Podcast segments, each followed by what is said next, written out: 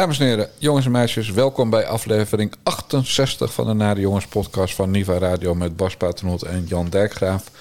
En omdat Amsterdam bij ons niet het epicentrum van de wereld is, dachten we eraan, we doen maar eens een regio special. Bas, Brandy, Goedendag, Jan Dijkgraaf. hey, hoe is ie?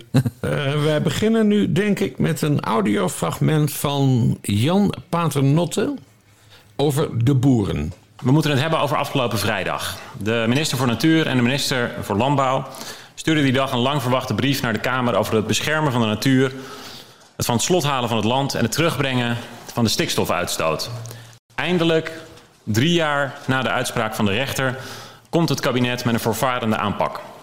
En we weten, dit is een gevoelig thema. Collega's Tjeerd de Groot en Jesse Klaver werden bedreigd. Politici werden thuis opgezocht. Een journalist werd met auto en al de sloot ingekieperd. Ik heb het hier vandaag niet over alle boeren. Laat dat duidelijk zijn. Maar wel over het extremistische deel dat dit soort intimidatie niet schuwt. En voorzitter, het demonstratierecht is bijkans heilig. Zo zei burgemeester Eberhard van der Laan het altijd en terecht. Maar er is een grens. Want geweld en intimidatie zijn verboden bij wet. Bij onze democratisch vastgestelde wet. Nou ja, dat was dus mijn, uh, mijn neefje. Hè. Laten we daar geen uh, geheim uh, van maken.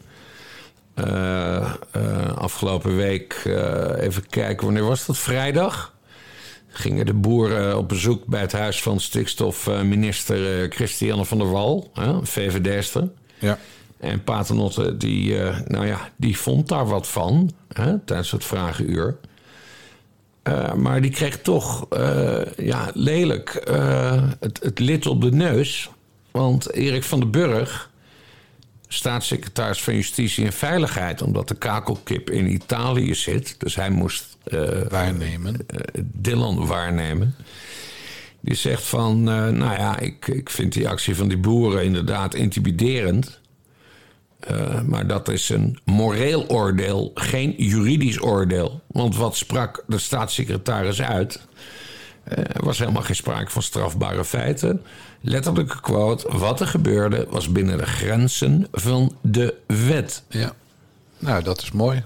En wat ook heel mooi was, vond ik van jou, is de, het gebruik van de term het lid op de neus. Want zo maak je het wel heel erg D66. Ja. Hoewel het lid meestal op andere plekken dan de neus terechtkomt. Ja, ja, ja, ja. Nee, ik, uh, ik zie precies waar je naar verwijst, maar dat, uh, dat negeer ik. Maar ik vind het wel belangrijk hoor. Kijk, want. Um... Bas, Roosje ja. zit hier op de achtergrond te gillen. Wie? Roosje. Oh, meen niet? Ja, onze jongste poes.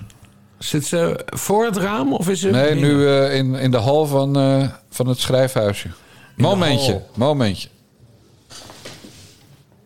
Roos. Nou, kom maar dan. Hou je bek. Nou, zo, hè? Ja, die man die Die kan dus echt zo uh, ja, op de apparatuur springen. Dus, ja. uh, hoe heet dat? Op hoop van zegen, Bas. Ga verder. Ja. Je negeerde, je negeerde mijn toespeling op alle seksschandalen binnen D66, ja, begrijp ik? Die negeerde ik. Ik, ik. ik wil het over iets veel belangrijkers hebben. Uh, in hoeverre vind jij boeren met trekkers, geen tractors, maar in Friesland noemen wij trekkers, dat trekkers, tuurlijk. Intimiderend als ze voor het huis van de minister staan? Ja, dat is zeker intimiderend. Maar ik vind dat er weinig mis is met intimidatie. Uh, op zich. Dus dat is precies wat, uh, het gevoel wat de boeren al uh, een paar jaar hebben: dat ze zwaar geïntimideerd worden. Ja. En dan niet omdat er zoveel feiten zijn over stikstof, maar omdat Nederland uh, uh, belachelijke normen heeft, 100, 140 keer strenger dan Duitsland. Ja. Omdat we al die Natura 2000 gebiedjes wilden, want het was vette subsidie binnenharken. Uh, ja, en dat is lelijk in de vingers gesneden geweest. En die boeren zijn daar nu het slachtoffer van. Kijk, ik vind het wel ontzettend dom van de boeren. En waarom? Omdat iedereen het weer heeft over het protest van de boeren. En ja, die van de wal opeens in de slachtofferrol komt te zitten. Ja. En, en dat is waarom ik tegen dat soort acties ben. Maar dat is ook waarom ik tegenwoordig als omvolking ben. Terwijl het gewoon een veranderende bevolkingssamenstelling is in, in goed Nederlands. Ja. Dus ik vind die, vind die boeren heel stom dat ze dat doen. Maar ik zei gisteravond nog tegen mevrouw Dijkgraaf. Wij wonen hier natuurlijk tussen de boeren. En ik zei vanuit, ik zou het prima vinden als die boeren gewoon niet één dagje binnenhof doen. Hè, met, ja, wat de verwachting is op 22 april. Nou ja, het Binnenhof is afgesloten, Tuurlijk, het dus- wordt verbouwd. Exact, Marieveld wordt het dus. Eh, en, en lekker op een achterafveldje letterlijk. Maar ik zou het prima vinden als die boeren gewoon het land echt plat leggen. En dan vooral de voedselvoorziening. Want dat is. Ik, ik ga allemaal niet mee in sentimentele verhalen van boeren. En zoveel generaties dit en zoveel generaties dat. Maar ik ga wel mee in het verhaal dat onze agrariërs, eh, landbouw, tuinbouw, veeteelt, dat die van belang zijn voor de voedselvoorziening in dit land. Daarnaast exporteren ze veel. Daar, daar was de, de VVD ook altijd heel trots op. Dus ik, ik zou zeggen, nou laat maar eens zien dan hoe belangrijk de boeren voor het land zijn. Want blijkbaar willen de mensen in de steden het niet begrijpen. Caroline van der Plas, van wie wij toch enigszins eh fans zijn. Zeker. Zij heeft echt afstand genomen hè, van deze actie. Ja, ik ben zelfs Wat lid. vind jij daarvan? Nou, ik vind dat van haar heel slim. Want anders, eh, kijk, dat is net als eh, Wilders die eeuwig geboycott wordt, zogenaamd omdat hij ooit brak met kabinet Rutte 1. Terwijl dat CDA was. Je moet ze gewoon geen munitie geven waardoor ze je kunnen, ja, in feite boycotten. Eh, Dus wat met, eh, met Wilders gebeurt dat of vanwege zijn moslimstandpunt of eh, vanwege het breken met Rutte 1. Nou, het, eh, bij Van der Plas zou dat kunnen zijn. Ja, ze staat achter de boerenterreur. Hè, want de Jan Paternotters van deze wereld maken het terreur van. Terwijl het eh, ja, gelegitimeerde actie is, hoorden we net. En, dat en dat is ook zo. Op de openbare weg mag je rijden met je trekker als je een, eh, een trekkerrijbewijs hebt. Ja, maar goed, Caroline van der Plas krijgt nu dus de kritiek dat ze controlled opposition is. Ja, dat is natuurlijk- ze dat het- niet 100% zich uitspreekt voor de boeren. Nee, dat is, dat is het bekende gelul. Caroline van der Plas is een politicus. Een, eh, en, en een hele slimme. En haar doel is volgens mij resultaten behalen voor de boeren. En een protest is wel een resultaat. Namelijk je bent je emoties kwijt. Maar dat is ook het enige resultaat. Zo'n protest. Ja. Bij zo'n minister thuis. En ik ben ook voor effectief resultaat. Kijk, eh, als je ziet hoeveel mensen van andere partijen in gesprek zijn met BBB, eh, VVD'ers, CDA'ers. eh, als je ziet hoe BBB het in de peiling doet. Hè, het is op dit moment de vierde, derde, derde partij van Nederland, Ja, geloof ik. is ontzettend goed bezig. Ja, Eh, dus, dus virtueel. het, en ze hoeft er heel weinig voor te doen. Dat is, dat is het grappige, want het wordt allemaal door de VVD en CDA en de miljoenenstickers en uiteraard D66 voor haar gedaan. Dus ik vind het goed dat ze de nuance kiest met eh, ik sta helemaal achter de boeren, maar ik vind dit geen verstandige actie. Eh, en kijk, dat intimiderende van D66, ik vind het eh, eh, tot abortus dwingen van vrouwen vind ik veel erger dan eh, bij een minister eh, voor de deur staan. En die minister heeft ook nog gelogen over haar trillende kinderen. Abortus, euthanasie. ja, eh, ja, de- dus eh, nou, abortus ging meer om een gevalletje van de voormalige leider, Bas. in, in zijn algemeen ben ik erg eh, pro-abortus. Ja. Eh, maar kijk, die van der Wal die zei dat de kinderen trillend aan de keukentafel zaten. Terwijl op een foto duidelijk te zien was dat die kinderen gezellig buiten stonden toe te kijken wat er, Ja. wat er allemaal gebeurde. En de man stond er ook bij, want ze heeft ook twee jongere kinderen. Nou, stel nou dat die nog binnen waren. Hoe haal je het dan in je harsers om als minister, maar ook als echtgenoot van die minister en ook als oudere kinderen. eh, om dan lekker buiten gezellig te gaan staan keuvelen als er twee kinderen zelfs trillend als een rietje onder Ja, de keukentafel het trouwens zitten. wel mooi. Haar echtgenoot, ik heb geen idee wie dat is. Peter. Die, ging- die ging zich er ook even mee bemoeien. En, toen, en, toen, en toen zei de minister van... eh, eh, vriend, even terugstappen, want ik regel dit. Op TVI. Vond ik heel mooi. Vond ik heel mooi. Nee, kijk, wat ik dan wel weer grappig vind is op blote voeten. Dat wordt dan ook overal zo benadrukt dat ze geen schoenen aan had.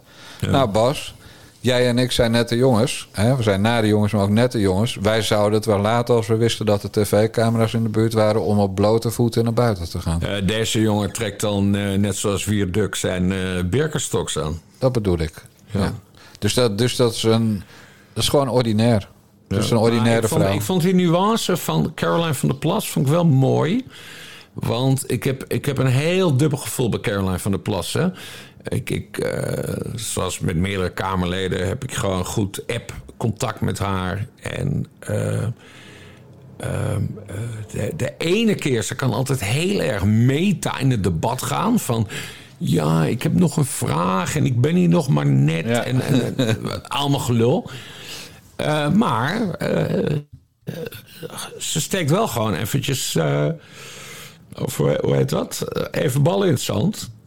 Ik vind deze demonstratie niet oké. Ja. Vind ik moedig. Vind ik heel moedig van haar. Ja, maar en ook En, ze komt er ook niet op terug, hè? Nee. nee, maar het is ook gewoon slim. Het is, het is laten zien dat je, dat je redelijk bent. En, Ja, maar het is ook oprecht. Of denk jij van niet?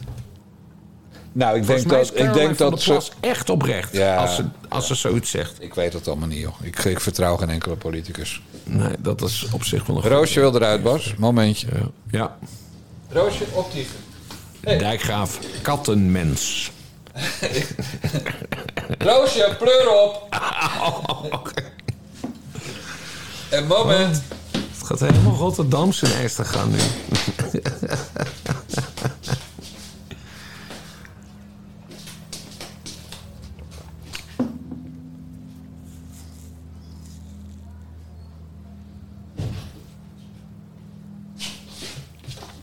Gebeurt dus allemaal in het schrijvershuisje, be- begrijp ik. Jan Dijkgraaf heeft op zijn landgoed een heel klein schrijvershuisje... wat hij dan verhuurt en waar hij zijn briefjes tikt. En daar neemt hij dus de podcast eh, op van zijn zijde. En nu is hij dus al minutenlang met Roosje in de weer.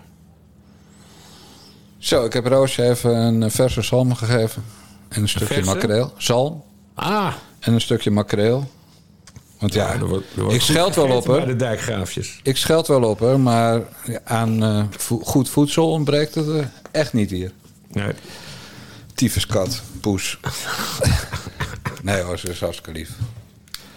Dus, Bas, waar We waren hebben we? dit onderwerp wel gehad. Zullen wij doorgaan? Nee, de- nee, Oh. nee, nee, nee, nee. Want het ging natuurlijk wel ergens over. Eh, en wij hebben dat in eh, Bellen met Bassie besproken. Onze exclusieve podcast voor abonnees via petje.af slash naar de jongens.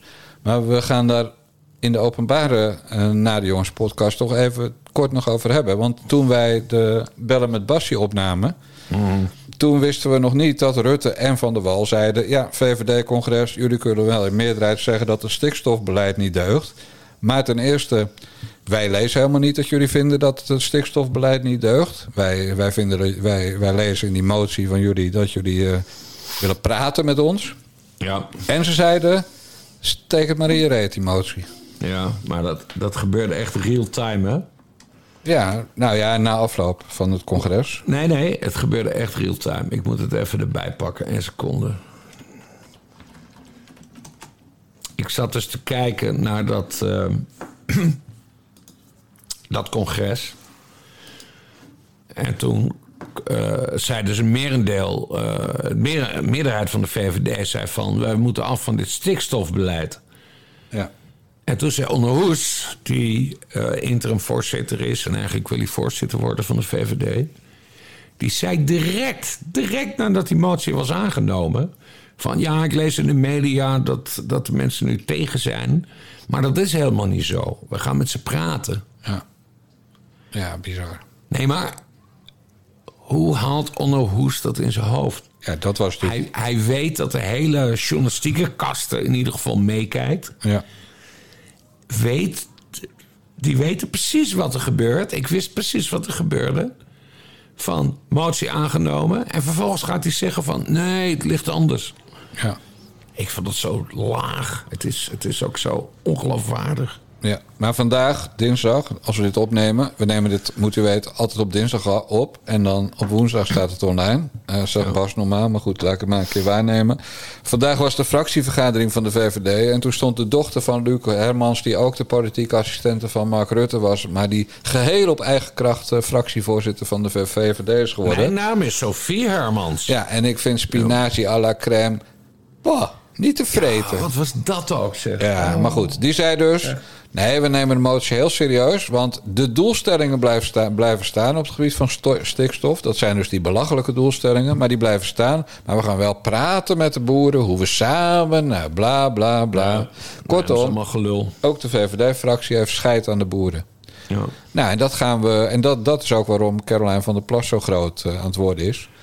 Ja, het CDA is nu ook langzaam aan het draaien. Maar die zeggen ook, nee, de doelen blijven wel. Maar we moeten toch fundamenteel naar het debat kijken. Bla, Ja, je hebt bla, een paar bla. afdelingen, hè? Dat, Ja. Was dat maandag? Een paar afdelingen die zeggen van... wij vinden het stikstofbeleid helemaal kut. Ja. Ah man, ik word... eh, eh, aan de ene kant denk je, hè, hè, de, de mensen in die partijen staan op. En aan de andere kant denk je van, ja, bij de provinciale statenverkiezingen gaat een eventuele omzichtpartij nog niet meedoen eh, volgend jaar. Dus, dus het politieke landschap is nog onduidelijk. Van der Plas gaat heel groot worden, dat weet je nu. Maar Ja. ik las ook dat Rutte erop rekende. Ik geloof bij Tom-Jan Meijers in eh, NRC dat Rutte erop rekende. Kan ook ergens anders zijn. Dat, eh, dat deze coalitie, die nog 52 zeting- zetels in de peiling heeft in de Tweede Kamer. Maar dat Rutte erop rekende dat hij in de Eerste Kamer een meerderheid zou gaan krijgen. Ja. Ja, dan ben je gestoord. Dan ben je Eerst gestoord. zien eh, dan gebeuren, vriend. Ja, nee, maar ze gaan, ze gaan verliezen. Ze Ja. gaan helemaal niet eh, meer krijgen dan ze nu En hebben. Mark Rutte weet dat natuurlijk ook. Dus ik zie hem op zich, zie ik hem op een gegeven moment nog wel schuiven hoor, op het stikstofdossier. Ja. Nou ja, dat zou heel verstandig zijn. Ik weet, niet, ik weet niet precies hoe, wat voor toezegging dat wordt. Maar hij zal moeten schuiven. Want Mark Rutte haat het natuurlijk als het allemaal op zijn bordje terechtkomt. Ja, nou, dat klopt. Nee, want het gekke is natuurlijk, we hebben het hier over een kabinet van VVD, CDA, D66 en ChristenUnie, waarvan de eerste twee partijen, de traditionele bestuurspartijen, dit alleen maar doen om de, eh, mevrouw Kaag te behagen. Want daarom is dit kabinet er. Daardoor Nou ja, kan Rutte het record houden. eh, ook En GroenLinks. die- Hoe heet die? Die Tjeerd de Groot, Tweede Kamerlid, Ja. eh, D66. Nee, tuurlijk. De, de partij. De, die hele stikstofdiscussie die wordt aangejaagd door D66. Ja. ja dus het wordt tijd om een streep in het zand te zetten. Ja, en D66'ers die hebben daar geen last van, hè? Want die zitten heel hoog op hun eh, morele high horse. Maar de VVD is daar wel gevoelig Ja, voor. nou ja, klopt. hey, laten wij het over... eh, nou, stoppen over je neef. Daar gaat er lang niet meer over. Maar laten we, het, eh, laten we gaan luisteren naar Leon de Jong van de PVV. Ja. Voorzitter, waar is deze minister in hemelsnaam mee bezig? Dat is wat ik vanochtend opnieuw dacht toen ik de voorpagina van het Algemeen Dagblad las. Terwijl we hier in Nederland 1,2 miljoen mensen hebben aan onbenut arbeidspotentieel... die aan het werk moeten ja, om de krapte op de arbeidsmarkt aan te pakken... komt deze minister met het wereldvreemde en gevaarlijke idee... om criminele probleemjongeren uit de ghetto's van Parijs binnen te halen... om hier zogenaamd te gaan werken in de horeca en de kassen. Terwijl we allemaal weten dat onze eigen werkloze probleemjongeren in onze eigen balieus niet aan het werk te krijgen zijn. Liever in een uitkering blijven hangen. Voorzitter, terwijl we zien hoe die criminelen in Parijs dagelijks de boel in de fik zetten, wil deze minister ze naar Nederland halen. Waar is deze minister mee bezig? Zo naïef. Frankrijk kampt al 50 jaar met grote problemen door immigratie. En dat wil deze minister even zelf gaan oplossen. Voorzitter, deze minister moet stoppen de problemen van Frankrijk hier naar binnen te halen. De minister zit hier niet voor Frankrijk. De minister zit hier voor Nederland en voor het Nederlands belang. En als de minister dat niet wil, ga dan weer in Frankrijk wonen. ja, Leon de Jong, een van mijn favoriete PVV-kamerleden... Hij kan heel goed zingen, wist je dat? Hij zet Nee. op, zijn, eh, op zijn Facebook zet hij heel vaak liedjes van Elvis. en, eh, Die hij zelf zingt. Ja, die hij zelf zingt. En hij kan Elvis heel goed nadoen. Wacht, Hij wacht, zegt wacht, wacht, wacht. TC, TCB, Taking Care of Business. Hè? Het motto Ja. van Elvis Presley. En hij stond dus vandaag ook in het, eh, in het vragenuur. Eh, alleen hij was naar de kapper geweest en dat vond ik minder. Had een heel kort kopje opeens. Oh. Nou, Stekels. zo. Of nee, dat scheiding niet, maar heel kort. Ik weet niet. Het zag eruit als een jochie. Maar ja, Ja, zal wel moeten van Fleur Agema, denk ik. Maar Ja, want dat is een stelletje, hè, zoals eh, bijna iedereen wel weet. ja, Ja, hij heeft Fleur gekaapt. Zo, gaat lekker. Steek er nog één op. zo. Tijd dat de sigaretten naar 80 euro per pakje Power, gaan. power, power, power, power, power. ja. Ja. Nee, eh, eh, eh, Leon de Jong. ja, Leon Vraaguurtje. de Jong- Leon de Jong die bevoegt natuurlijk eh, eh, CDA-minister Karin van Gennep. Die had bedacht eh, om werkelozen uit de Franse banlieues naar Nederland te halen. Minister van Sociale Zaken is het trouwens. Ja. En wat natuurlijk een bizar plan is, want we weten allemaal wat er gebeurt in de banlieues. Dat zijn uh, losgeslagen moslimjongeren die er één grote bende van maken. Nou, ik vind dat je nu te genuanceerd bent. Ja, ja, maar ik ben van de nuance. Ja, maar ik ben er geweest, hè? In uh, 1998 al. Ik heb uh, natuurlijk even de datum uh, in mijn geheugen opgezocht. Het was 13 juni 1998. Welk arrondissement? In Saint-Denis. Ah, Saint-Denis. Ja, ken ik goed. Daar, heel goed, hè? daar speelde op 13 juni 1998 het Nederlands elftal voor het WK voetbal tegen België. Oh. Een wedstrijd die overigens eindigde in 0-0. Maar dat had er vast mee te maken dat Denzel Dumfries toen nog in de luiers lag. Moreel hebben wij die wedstrijd gewonnen. Teken ik daarbij aan. Want? Nou ja, wij waren sterker. Maar goed, ik was dus met, uh, ik was dus met uh, collega Fred de Brouwer. Uh, Allah, God, weet ik veel, hebben zijn ziel. Overleden omdat hij naar Nederland zou komen om over de Demming-affaire te praten bij Pauw en Witteman. Doodgereden in Indonesië, toch? Thailand. Thailand. Waar, welk land heb je al die omgebouwde... Die mannen die vrouw worden, is dat Thailand? Ja, ja, daar woonde die dus. Hij was ook met zo eentje samen. Een Katooi heet dat, geloof ik. Ja.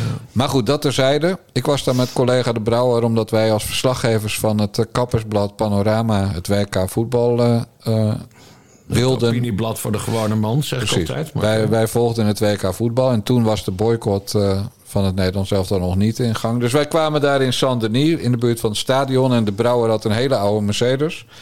Uh, dus we reden in één auto en we parkeerden daar. Er kwam onmiddellijk een agent uh, naar ons toe. Dus we hebben het over 1998, dus dat is uh, ja, 24 jaar geleden. Mm. Vier, ja, 24 jaar geleden. En die zei: weg, weg, weg hier. Dus wij, waarom? Je mag hier toch parkeren. Nou, een Nederlands kenteken, twee blanken. Dit is gewoon levensgevaarlijk.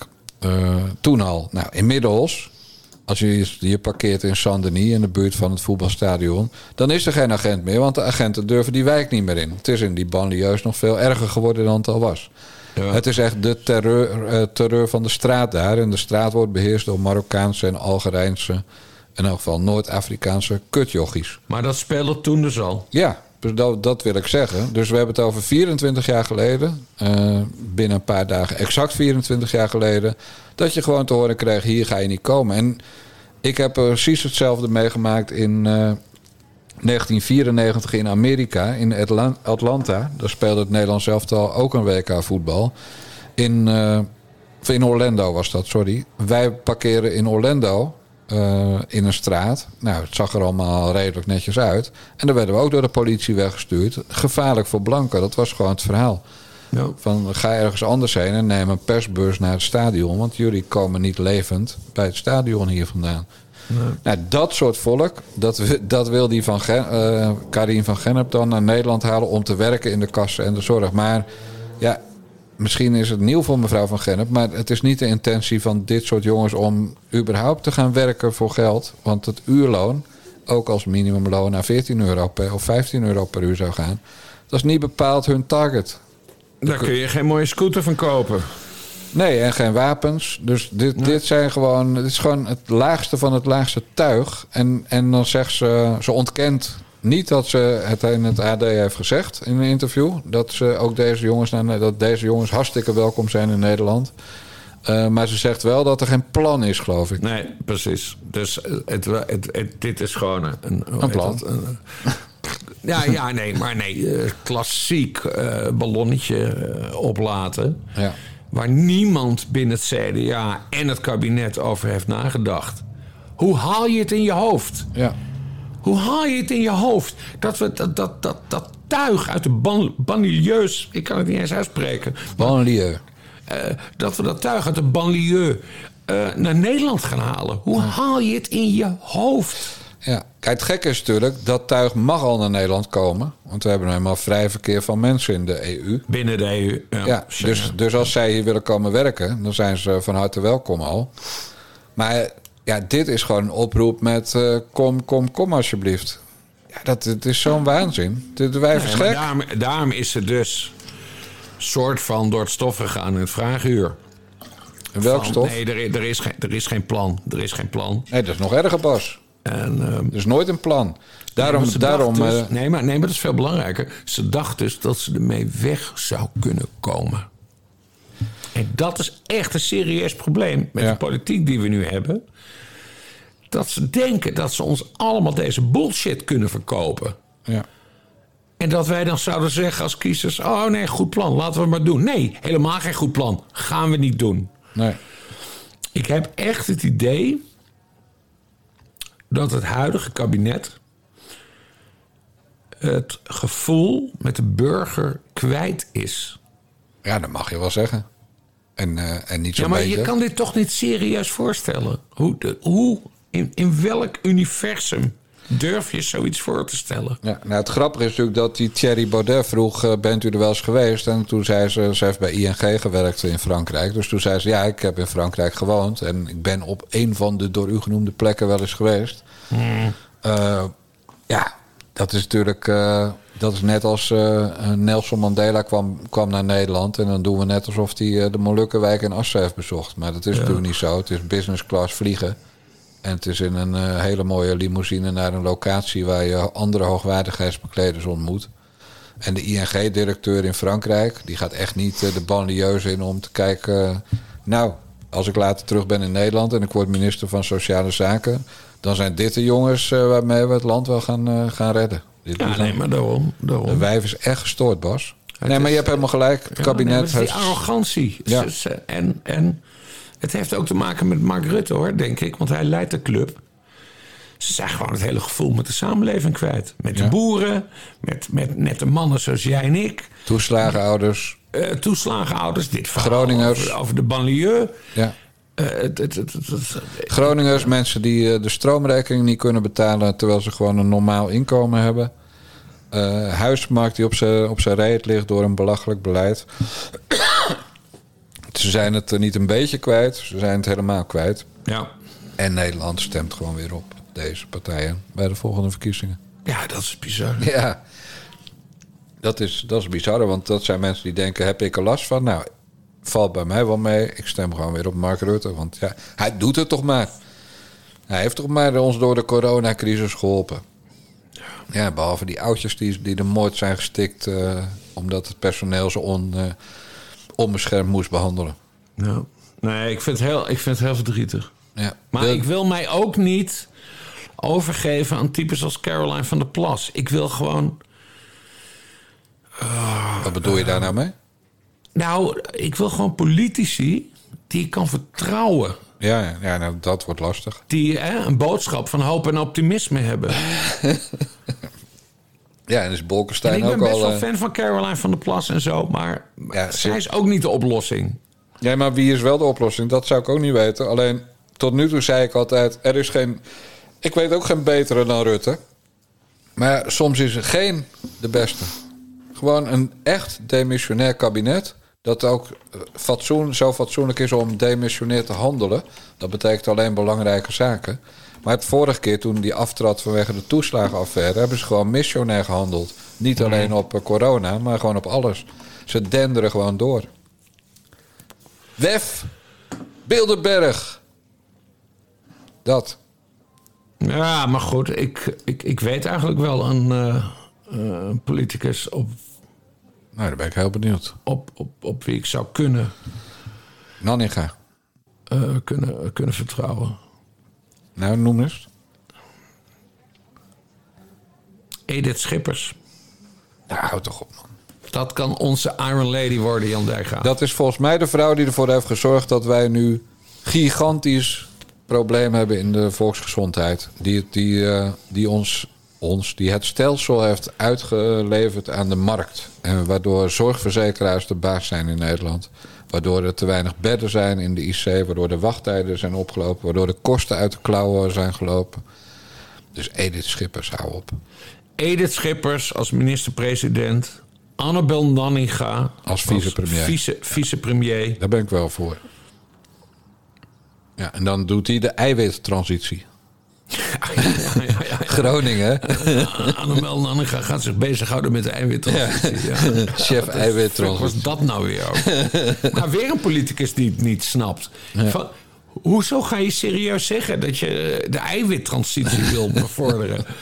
Waarom, hoe, moet, hoe moeten mensen je gaan vertrouwen als je het over eiwittransitie hebt? Ja, en dan is het. Kijk, nu komt dan naar buiten dat een eh, wethouder voor eh, de Partij voor de Dieren uit Groningen dat wil. Maar ik googelde vanochtend even op eh, eiwittransitie. Ik denk van ja, voor mij was het een nieuw woord. Maar van Danzig, van D66 in Amsterdam. Die heeft het, Danzig, ja, ja. die heeft het drie jaar geleden ook al geopperd. Dat de eiwittransitie. Weet je, dus, dus er, we gaan mensen naar de fabriek ochtends hè, met een pakje brood. Om zeven uur op het fietsje. Want de auto kunnen ze niet meer betalen. En dan, normaal ging het dan vroeger in de kantine over... heb je het voetbal nog gezien? Of heb je die quiz nog gezien? Of eh, erg hè, dat er weer duizend eh, mensen... met de Bente Becker bootdiensten naar Nederland komen, eh, Ja. uitvreters. En tegenwoordig als je dan op, op, in de fabriek komt... dan gaan Jan en Piet het hebben over de eiwittransitie. Ja, echt. En de stikstof... Hoe heet dat? De neers- neerslaan van stikstof. Hoe heet dat? Deplotie of de, de, Ja, whatever. nou ja, depletie is het. Eh, daar gaan we het over hebben in op de werk. fabriek ging Ja. het over tettebraak. Ja, en lekkere wijven. Ja, Met goede tieten. wijven, Ja. Ja, en tegenwoordig, eh, ja, wijven. Misschien zijn het wel mensen die in transitie zijn. ja, je mag niet eens meer wijven zeggen. Nee, dat bedoel ik. Had jij nog trouwens mijn 99 woorden gelezen over eh, de levensverwachting van mensen? Nee. Ik ben nogal een cijferfetischist, dus ik zocht even op eh, wat de levensverwachting van, men- van mij was in dit geval. Eh, want ja, die, die ligt steeds hoger, hè, zoals je weet, naarmate je later geboren bent. Dus ik vul in 9862 mijn geboortedatum. Cadeaus graag naar Straatweg 21 8534 Willem Bernhard in Eestergaat. Over twee maanden. Maar dat vul ik in en ik kruis man aan. En er komt uit dat ik in april 2045 kom te overlijden. Volgens het CBS, hè. En hoe oud ben je dan? Eh, dan ben ik 83. Dus dat is prima, dan kan ik mijn In leven. mijn leeftijd, Ik toch? zet er nu een handtekening voor. Maar goed, ik kijk naar... En als ik nou een vrouw was geweest... Ik doe 9862 vrouw. En dan komt, kwam uit eh, drie jaar later. Dus ja, dan ga je toch denken... Tieten heb ik al. Echt weg willen ze ook niet. Hè? Want als ik me voorneem om veel te gaan sporten... dan moet ik weer eh, ja, eh, veranda schilderen...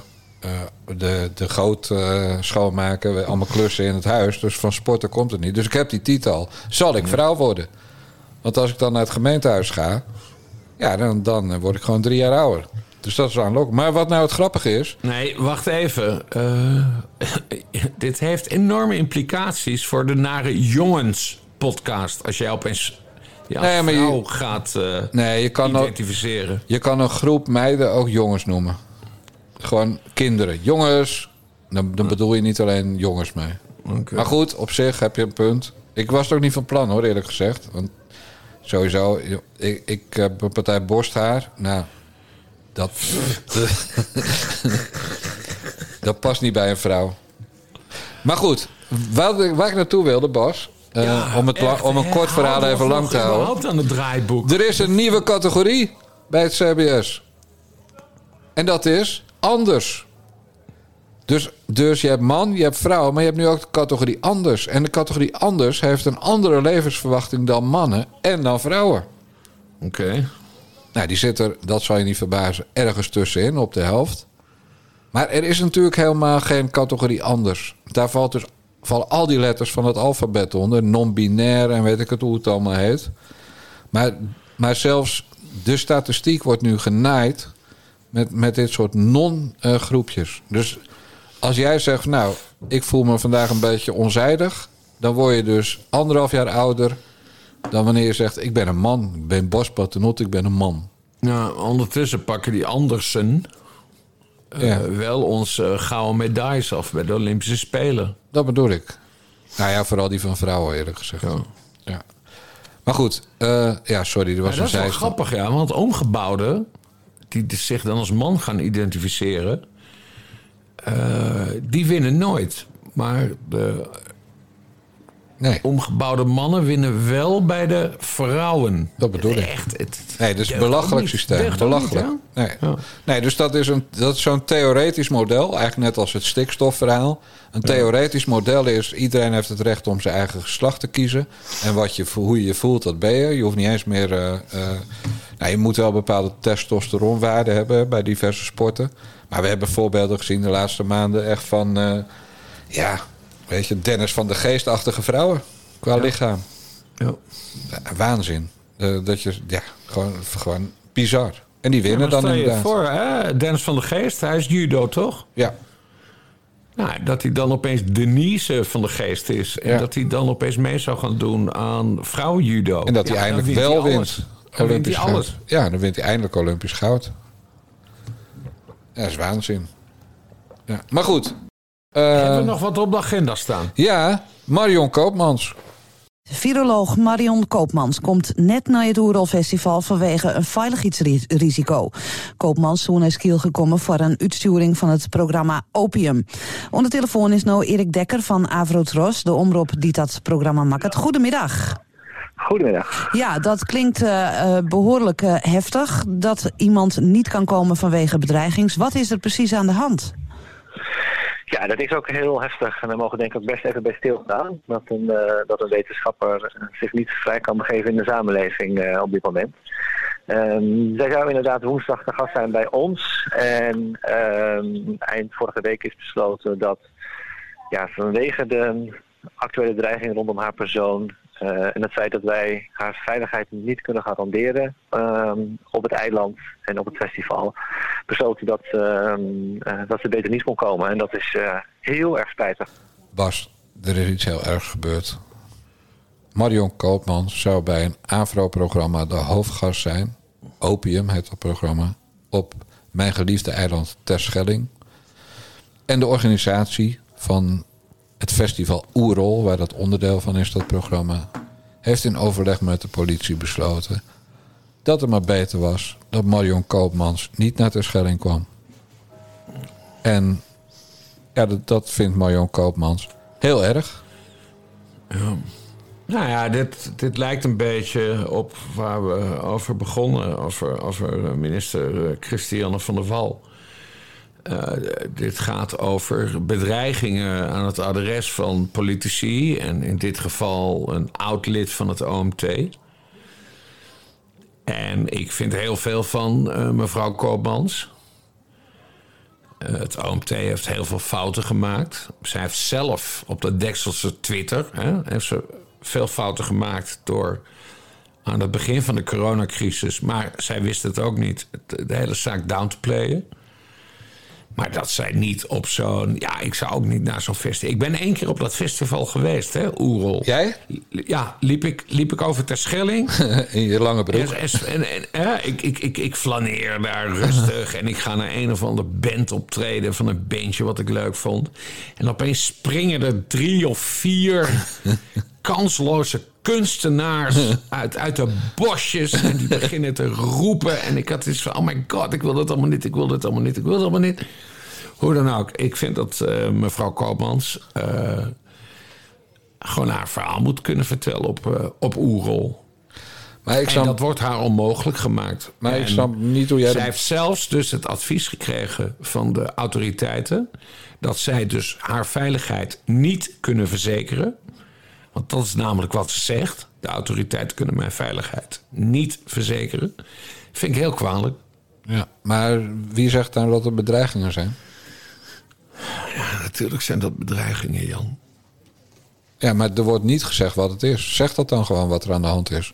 Ja, nee. En zeg goed, vooral wie het doet. Ja, uit welke dat kan hoek. weer niet gezegd worden. Maar we weten uit welke hoek het komt. Ja, GroenLinks. Uit- Ja. ja. en die Willem Engel. En, Oh, Willem Engel. Seksotypes.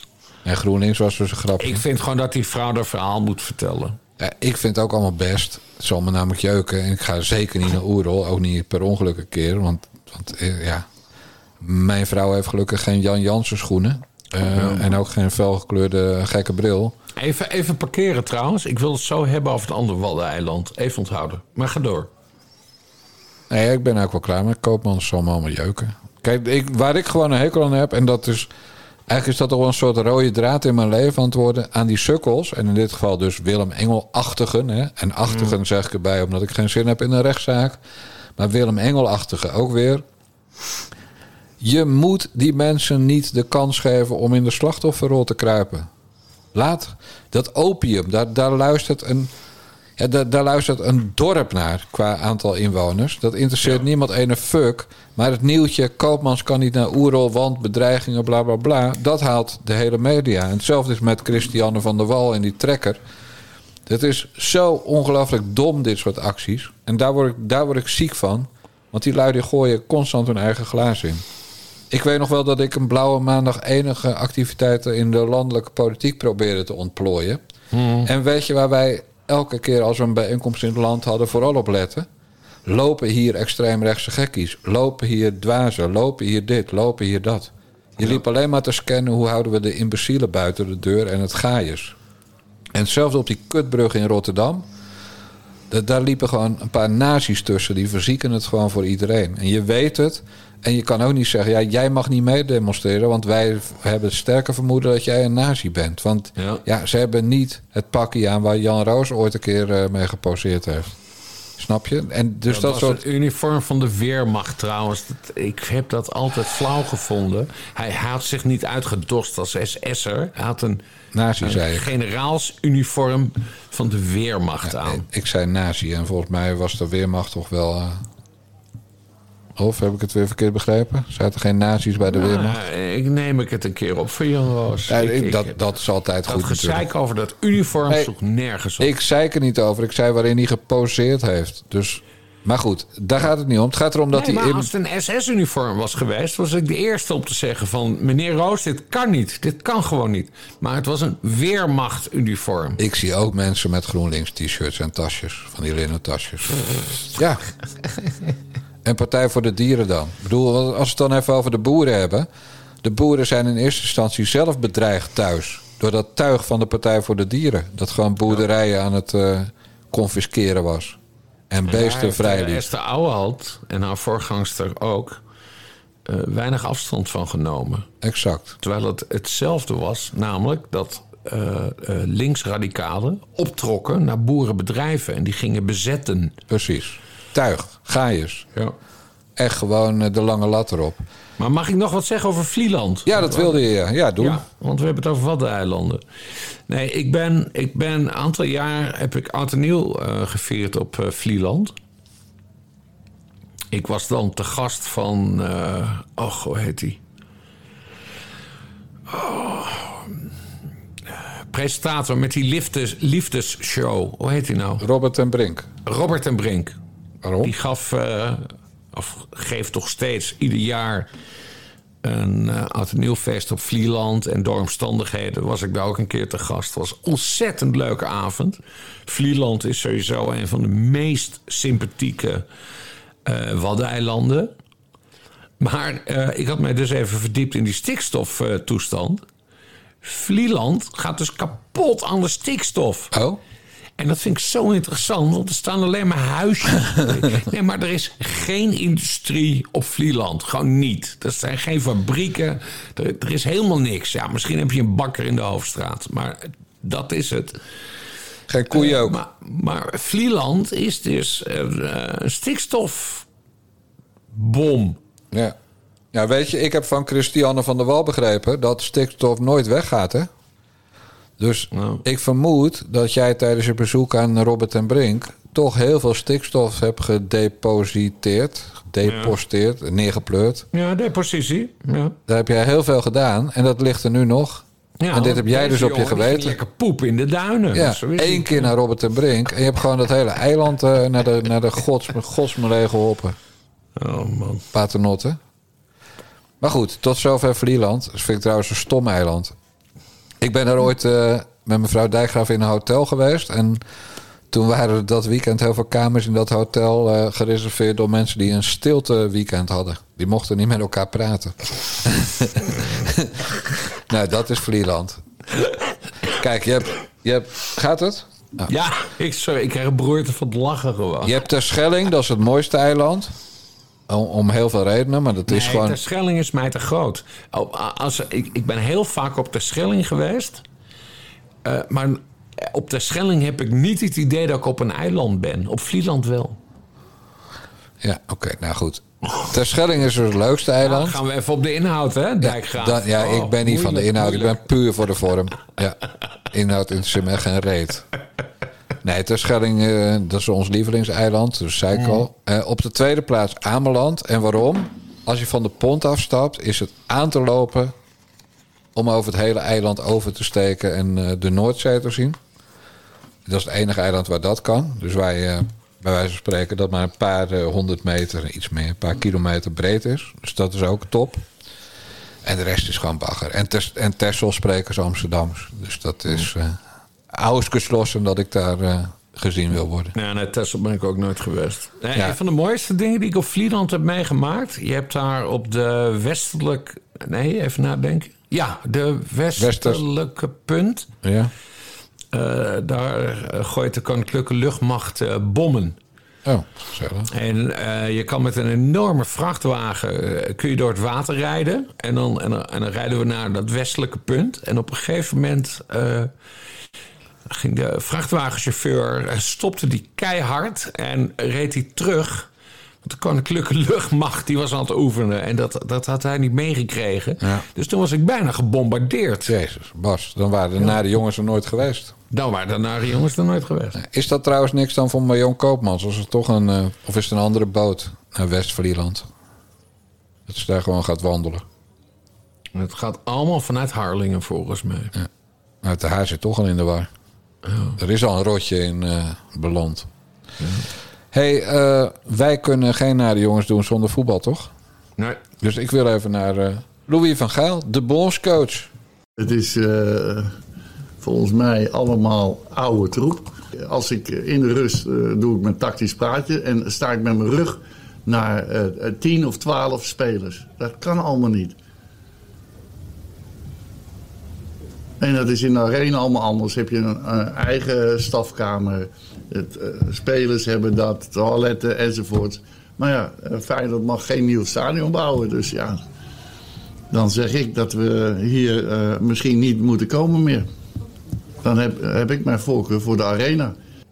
Nou Bas, jij bent natuurlijk eigenlijk de man van de, de wedstrijdanalyses en zo. Maar er is nog meer aan de hand. Want Louis van Gaal heeft na de laatste wedstrijd in het Feyenoordstadion, de Kuip, zoals je weet...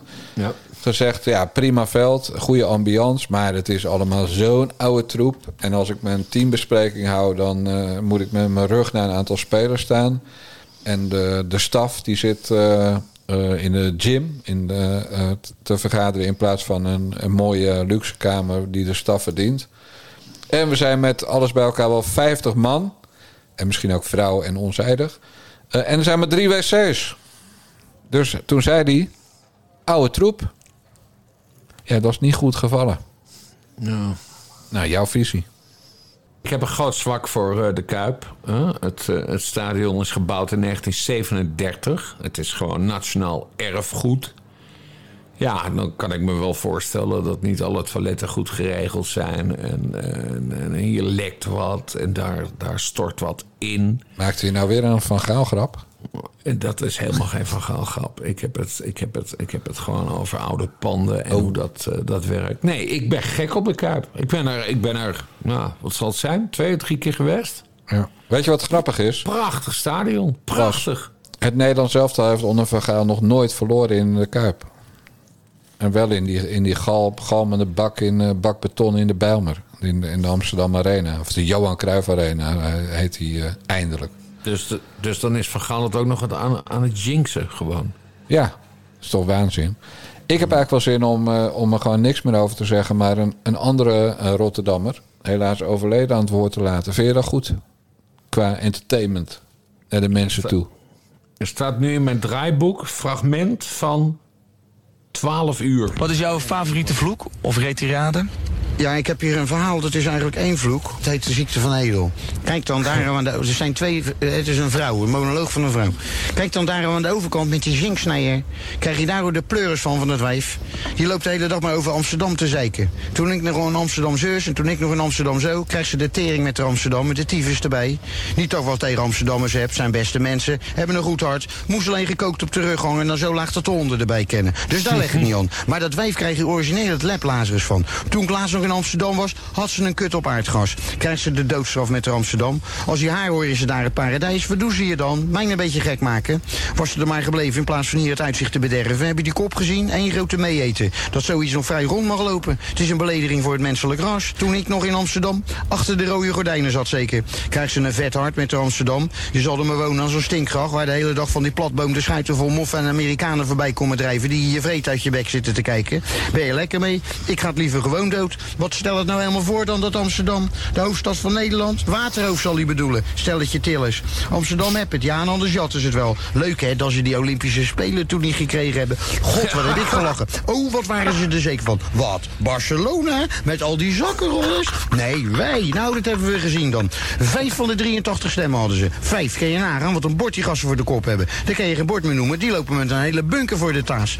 Volgens mij worden ze daar met de ogen in de zak geboren. En maar strompelen door die 17e eeuw. Stelletje grote kokers. Wat vinden die mensen er eigen belangrijk? Ze kennen geen scheet laten of hij moet in het hele land geroken worden. Slaat de kranten er maar op na. Het is Amsterdam hier, Amsterdam daar, Amsterdam zus, Amsterdam zo, Amsterdam voor, Amsterdam na en dan komt Amstelveen. Alsof er verder niks gebeurt. Alsof de wereld om u niet draait. Hallo, wie zijn ze dan met Amsterdam dan? Wat interesseert mij het nou wat er in die grasstad gebeurt? Geen ene moer toch zeker?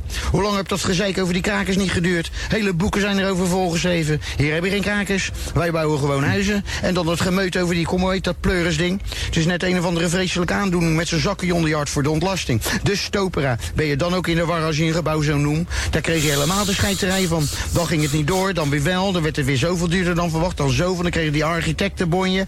Werd dus nog eens zoveel duurder dan verwacht. Of je maar even mee was schokken. Ja, hier, me reet. We betalen al zat in die pleurenstad. Heel Amsterdam staat op de monumentenlijst. Wat dacht je dat dat niet kost? De poen die hier wordt verdiend, wordt in Den Haag verdeeld. En in Amsterdam over de balk gerot. Of wou je beweren van niet soms? Bij die kommer, hoe heet het nou? Oh ja, die stopera, daar bleken, daar bleken ineens 50 miljoen pleiten. Daar worden, daar wordt ineens meer naar gezocht. Je zal die strijkstok blijven hangen van die bunkerbouwers. Stel dat je uitnemers. Laten ze een keer gewoon gaan werken. In plaats van de hele dag zitten te hoeren waar ze nou weer eens moeten gaan knagen. Filipijn, Spekenees, Mafkees. Als je daar een restaurant begint waar de mensen de vreet uit troggen moeten opslurpen. Terwijl je af en toe zo een emmer bier overheen pleur. Staan ze nog in de rij als het in de avenue hebt gestaan. Nou, in de avenue sta je zo hoor. Je geeft die Wiener Born een veeg in de meterkast. Je staat erin. Makkelijk zat krijgen ze de touwtiefers met Amsterdam. Kennen ze pluizen. Stel het je nagenasten. Je zal ze de korsmotten geven die met de kleine achter de oren uit kutjepoep of reepketel pikken. Mijn schans aan die gaststad komen toegekropen. En mij na een half jaar een provinciaal durven noemen. Omdat ik in Rotterdam ben geboren. Stelletje boeren. Rotten ze lekker naar de familiegraf. Net in Amsterdam. Die meut voorop met de ronde kop. Je zal er maar mee gezegend wezen met zijn bolus. Als ik zo'n kop afhakt, ik hem af. Beter geen kop dan zo heen. Wat een ramp zegt, dat wijf met de Amsterdam. Rotterdam vinden ze me niks. En ik ken ook nooit wat woorden ook. Nee, daar hebben we haar voor nodig met de grote gezouten zeiksluiten. Ze ziet eruit of in de Eerste Wereldoorlog door een tank is overreden. En in de Tweede nog een keer vergast. Ze hebben het overleefd omdat ze niet wou branden. Opgewarmd lijk. Rotterdam deugt van Rikan, maar ondertussen vreest ze er wel van. Altijd weer datzelfde over het paard getilde, lauwtoffe, godgloeiende pestbokken, vol automatische gaskamer, brede tering, koudtyfus, blafkanker, koleertere kut Amsterdam. Tot en met de sterreclame. Maakt niet uit wat voor tin of ze nou weer moeten slijten. 10 tegen 1 dat je weer tegen die gratenbaal van een Caritas zal moet kijken. Die met die geplumeerde bolus van de ergens voor zijn pittoresk krapgeveltje de losste thuis staat te hangen. Op de radio idem dito. Je kan die knop niet omdraaien. Er staat er weer zo'n grensdebiel over die Westen teringtoren te galmen. Zak daar je broek vanaf van al die zeikliedjes over dat stinkei en die graf Jordaan. Dat is al sinds de dagen van die Johnny Jordaan. En hoe heet die wandelende dokter Oetke Pudding met het hoogpolige tapijt op de taas en die vuurvaste grijns op de melk. Tante Leen, precies. Krijgen ze de mond en klauws in met Amsterdam. Wanneer zie Rotterdam nog op de buis? Alleen als ze kunnen laten zien hoe hier op 4 mei om 8 uur s'avonds de trams gewoon doorrijden. Dan krijgt Rotterdam nog even gouden kat. Nou, als er één stad in Nederland is waar de trams het recht hebben op om 4 mei door te rijden, dan is het Rotterdam. Wat zullen we nou hebben? Toen bij ons die mariniers op de Maasbrugge die moffen de slot afbeten, stonden ze in Amsterdam, godverdomme, met de klauw omhoog, langs de weg te kijken wat een mooie auto's die Duitsers nog hadden. Oh jee, als je ze nou hoor, hebben ze allemaal joden op zolder gehad. Nou, waar zijn ze gebleven dan? Kennen ze elk jaar wel met de schijnheilige kop naar die dokwerken lopen. Dokwerken, god beter, ze hebben een haven waar al sinds 1312 12 geen schip meer is geweest. Laten ze matrassen ingeslapen bij de Ubica in plaats van de boel in de maling te nemen. Pleurt de vrouwen op. En wij zeker het suffetje lezen. Wie zijn ze dan met Amsterdam dan? En net als je denkt dat je alles hebt gehad, komt er nog eens zo'n koeienkut aan je kop zeiken. Toen ik nog in Amsterdam dit en toen ik nog in Amsterdam dat. Krijg ze de bombardementskanker met Amsterdam. Ken ze puinruimen, leuk om het trut van Toen ik nog in. Amsterdam... Echt, dit is goud hoor. Goed, hè? Waar heb je dit opgeduikeld? Ja, ik ben natuurlijk fan. Nee, maar is dit, is dit op de NPO uitgezonden ooit of zo? Of wat? Ja, dat weet ik eerlijk gezegd niet, maar overal. Dit is wel een legendarisch eh, sketch van, eh, van Jules Deelder. Ja. En heb Mike- wel eens geïnterviewd? Nee. En Mike Ik heb hem- Baudet ik heeft... eh, nooit ontmoet. Ik ben één keer naar een... toen ik nog scholier was, in de Lawei in Drachten trad hij op. Toen heb ik één keer een optreden van hem gezien. En daarna heb ik al zijn boeken gekocht. Omdat het, het is zo briljant wat die gozer wist Ja. te doen. Nou, weet je wat ook wel grappig is? We Laten, wat, want we hebben nog niks racistisch gedaan vandaag. Dus, Mhm. dus er ontbreekt dan toch wat hè? In, eh, zeg maar, in onze sandwichformule. Mhm. Tegenwoordig heb je natuurlijk al die spoken word artists. Zeg maar die, eh, die, die lieve negen meisjes. Ja, En die rappers. Rappers heet het toch? rappers. Ja. Ja, die dan drie woorden niet recht achter elkaar kunnen zetten. En dat dan eh, met veel eh, misbaar op een toneel staan voor te lezen. Want ze kunnen het niet uit hun hoofd. In tegenstelling Ja. tot Jules. Of je hebt dit. En dit, Jules Deelder. Dit was een spoken word artist. Zoals Nou, Deelder zijn. is de belichaming van de, de spoken word. Ja, en de Deelder was zo, zo blank als maar kan zijn, Bas. Ja. Dus, dus de spoken word artist. En hij vond de Kuip ook niet leuk, hè? Want hij was van Sparta. Ja, maar dat, dat- heet het. Kasteel, meen ik. Ja, daar speelde Sparta, ja, dat klopt. Nee, maar dat maakt niet uit. Dit, eh, kijk, Van Gaal is natuurlijk... Wat Van Gaal zei over de Kuip is natuurlijk gewoon waar. Het is een, deels een oude tyfuszooi. En dat komt omdat de Kuip ook eh, geen reet aan onderhoud heeft gedaan... of aan, eh, aan opknappen. Omdat ze dachten, nou, we gaan toch wel naar dat nieuwe stadion. Dus Ja. gaan we geen geld meer... Dus deels heeft hij gelijk. En in alle eerlijkheid, drie plays op 50 mensen... is echt te weinig voor een belangrijke sportwedstrijd. Ja. In mijn badmintoncarrière, en dat zal bij jou niet anders zijn... moest je voor de wedstrijd toch altijd even een plasje doen. Ja, wij, wij zijn heel eh, plas eh, gedisciplineerd, uh, Ja. Dijkgraaf. Dus als je kijkt bij badminton was het 1 tegen 1 of 2 tegen 2. Dus dan is drie toiletten niet zo erg. Maar als je inderdaad met 50 man voor een voetbalwedstrijd... die om kwart voor negen moet beginnen... allemaal naar de play moet... ja, dan moet je om 7 uur beginnen. Ja. Want sommige jongens draaien natuurlijk een hele langzame, dikke drol. En daar komt stond van. Ja. Eh, nog één ding over voetbal. en daarna gaan we afsluiten. Ja. Eh, ik zag, meen ik, bij de vorige wedstrijd eh, Nederland-Wales... dat mijn vriend Martens Indy even werd ingezet. Heb jij dat gezien? Ja, maar dat was omdat het B-elftal was. Maar hij is er inderdaad weer bijgehaald door Van Gaal, ja. Ja. Martens Indy is terug. Ja. Hij is mijn held. Nee, Denzel Dumfries is jouw held. Ja, nee, Denzel Dumfries is sowieso mijn held. Maar die is van een andere generatie dan, eh, dan Martin Indies. Maar Denzel Dumfries gaat spelen in Qatar. En Martins Mhm. Indy gaat niet mee naar Qatar. Zo moet je het ongeveer zien. Dus, die, dus dit was echt... eh, Indy gaat, eh, Martin Indies gaat niet mee nee, naar natuurlijk Qatar. niet. Er was gewoon even... een- omdat hij ja, wat plekjes had. Maar die, het is kansloos voor een... Nou, dat vind ik dan weer jammer. Nee, ze gaan misschien wel tellen of ze genoeg eh, mensen met, met zwarte krulletjes hebben. En eh, in ver- verhouding met het aantal blonde jongens, dat wel. Dus misschien dat hij nog eh, aan de zwarte krulletjesbonus gaat voldoen van Gaal. En dan heeft Martins in die wel een kans. Hoewel die geen zwarte krulletjes meer heeft. Hè? Zo kaal als, eh, als ik. Maar nee, pas. Martins Indy, echt wel... er waren ook mensen bij van wie jij de naam nu al vergeten bent. Zoals meneer Schouten. Nou, maar dat is, eh, dat is Ja, nee, daar heb je gelijk. Het was wel het B-team. Ik ken al die namen echt niet. Maar jij kijkt ook niet meer, hè?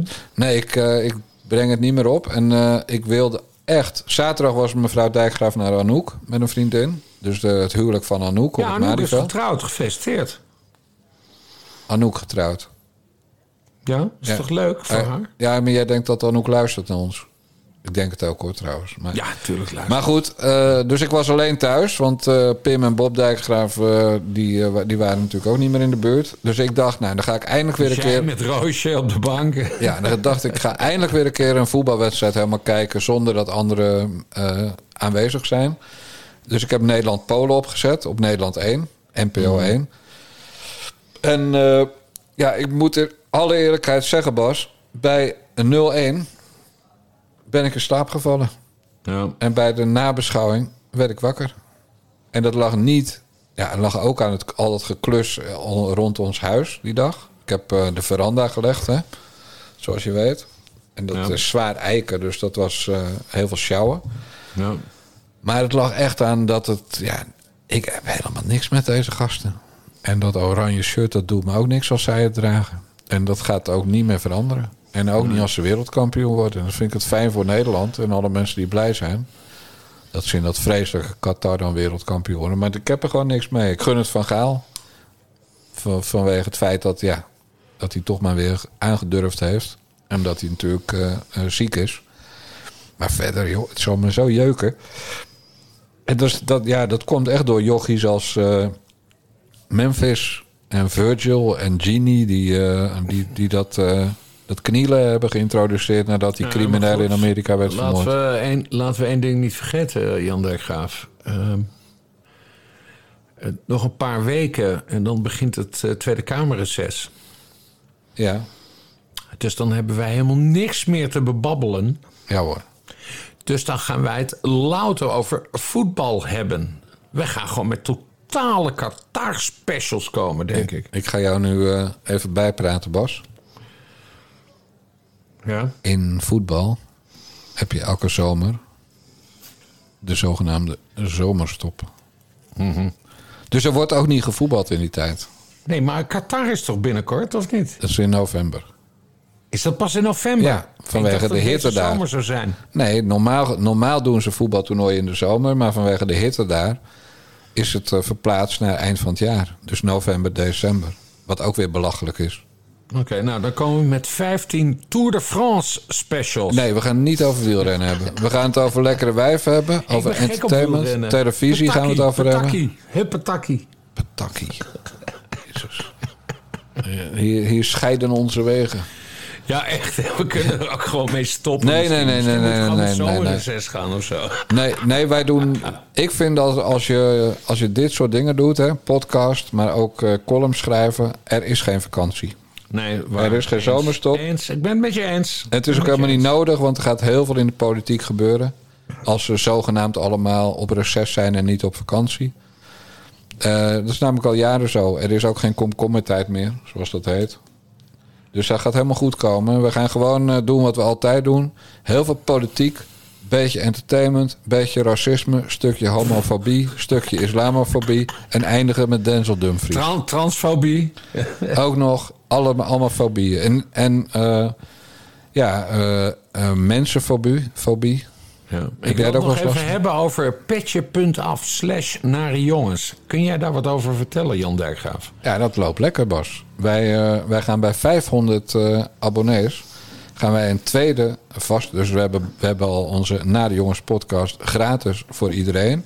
Daarnaast hebben we, sinds we 250 abonnees hadden... elke week bellen met Bassie. Waarbij ik bel, jouw voicemail krijg... en vervolgens uren later bel ik weer, krijg jou. terug wordt gebeld. Hè? Precies, dus dat, dat, eh, dat hebben we al voor onze abonnees. Achter het muurtje, zoals eh, jouw helden van de Zelfs podcast dat altijd noemde. Betaalmuur. Ja. Eh, maar als we de 500 hebben, en daar zitten we nog maar 77 vanaf... dan gaan wij een tweede wekelijkse Na de Jongens podcast maken. En die heet de Na de Jongens Friendcast. En die maken we vanuit jouw pand aan de gracht te Utrecht. Ja. Elke week op een nader te bepalen vaste dag. Eh, mijn voorstel zou nu al zijn gelijk met Rick Nieman. Want daar kijkt toch eh, geen hond eh, uit, uit onze doelgroep naar WNL op zondag. Ja, gewoon een zondagochtend. Dan hoeven ze niet naar Rick Nieman te kijken, maar dan kunnen ze gewoon luisteren naar, naar de jongenspodcast. En ik kom ook naar Esterga, hè?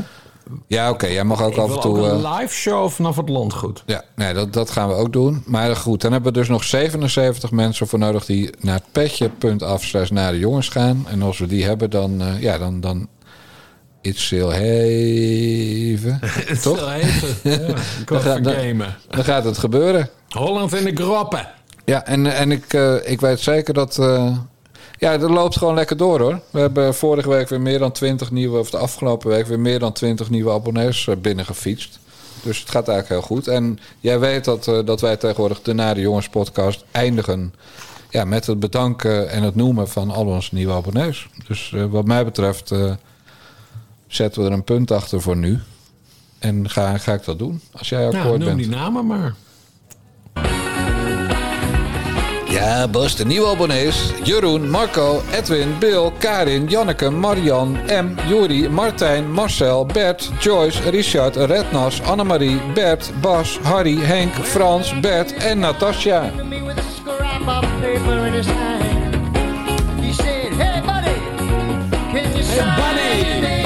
you Phil? Collins, mensen. He said, No. I said, Listen, pal, do I know? Have we ever met? Why do you want my name on this little piece of paper? He said, I love you. I don't know you, but I love you. Like my brother, I love you. Put your arms around me 'cause I love you. I said, hey, let's not rush things.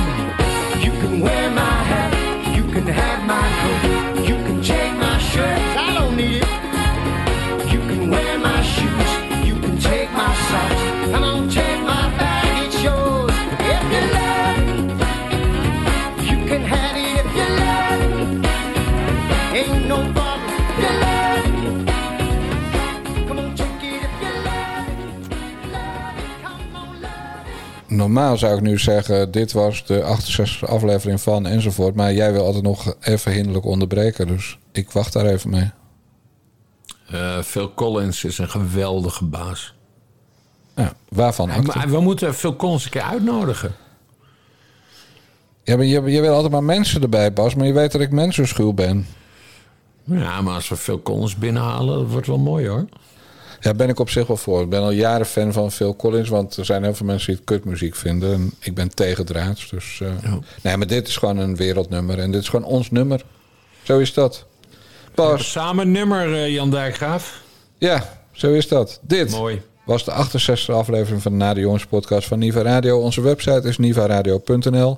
Abonneren kan via petje.af slash Na de Jongens. En dat moet je doen, want we hebben nog 77 abo's nodig voor de Na de Jongens Friendcast. De mazzel. Doei doei.